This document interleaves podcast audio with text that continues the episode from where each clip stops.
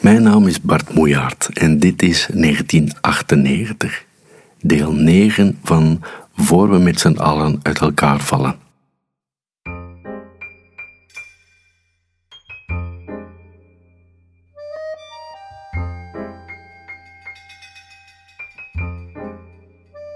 Meneer de Smet ligt aan de overkant.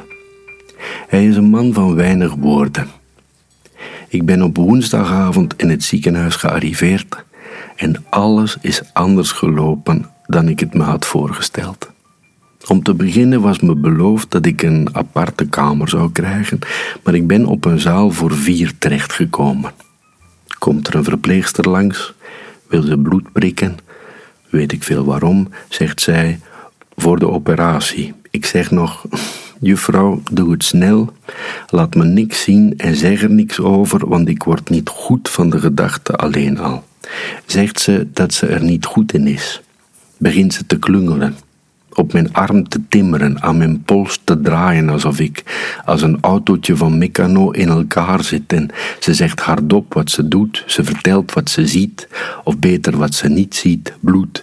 En ze krijgt een paniekstemmetje, ze gaat over me heen hangen, zodat ik nog minder lucht krijg en zoekt naar de bel, want haar collega moet haar komen helpen. En intussen zweet ik uit mijn kleren, heb ik het gevoel dat ik helemaal leegloop en mijn begrafenis is al geregeld.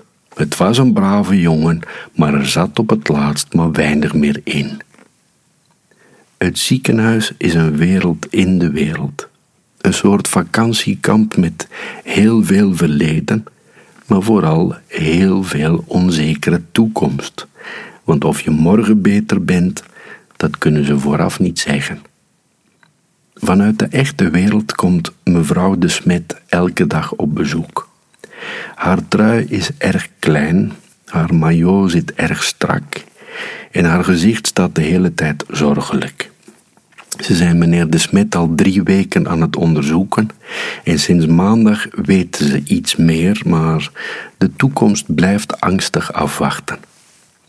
Mevrouw de Smet is heel lief voor haar man en hij is suf van de pillen maar hij is ook erg lief voor haar, terwijl ze allebei een stemgeluid hebben waarmee ze elkaar kunnen doodslaan. Hun dialect komt uit de middeleeuwen. Een denkt hij dat ik het kun. Wat? Een denkt hij dat ik het kun. Ah ja, bij jou, probeer de tongs. Ik zei bij jou, probeer de tongs. Ik weet niet, wij. Ik weet het ook niet. Toen ik gisterochtend na de operatie in die speciale zaal tot mijn positieve kwam, stond er een soort engel naast me. Mijn ogen zaten half dicht, dus ik kon niet zien of ik in de hemel was.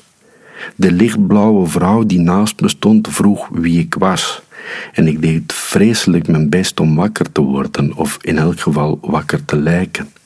Ze zei dat ik iemand uit haar familie zonder het te weten had geholpen met mijn boek over de dood, hoe heet het?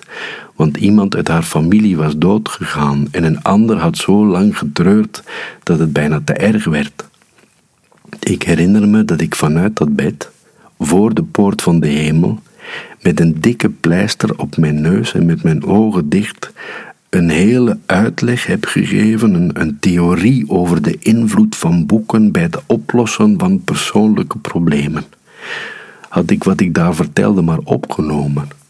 Nu, een dag later, twijfel ik of dat gesprek wel heeft plaatsgevonden. Ik weet dat ik hele volzinnen heb gebouwd en dat ik trots was dat ik ze rondkreeg. Wat ik heb gezegd ben ik kwijt. Ik vraag aan een verpleegster of je na een operatie kunt dromen dat je een gesprek hebt. En de verpleegster deed een beetje vaag tegen me, alsof ze mij ook een beetje vaag vond. ja, dat kan, zei ze. Misschien heeft ze mijn vraag niet verstaan. Ik spreek raar, nu die polyp uit mijn holte is weggehaald. Meneer de Smet gaat het proberen. Hij zit op de rand van zijn bed kijkt naar beneden met dat rode, gezonde gezicht van hem en dat verband om zijn hoofd en die ene slang naar zijn nek en die andere slang naar zijn arm en ademt diep in. Hij gaat langzaam overeind staan. Ik zie zijn lichtblauwe stretchpyjama voor het eerst helemaal. Wisconsin 13 staat erop. En mevrouw de Smet zet haar handen als paardenkleppen naast haar gezicht, terwijl ze eigenlijk haar hart vasthoudt. Meneer de Smet draait in volle concentratie voorzichtig om zijn as.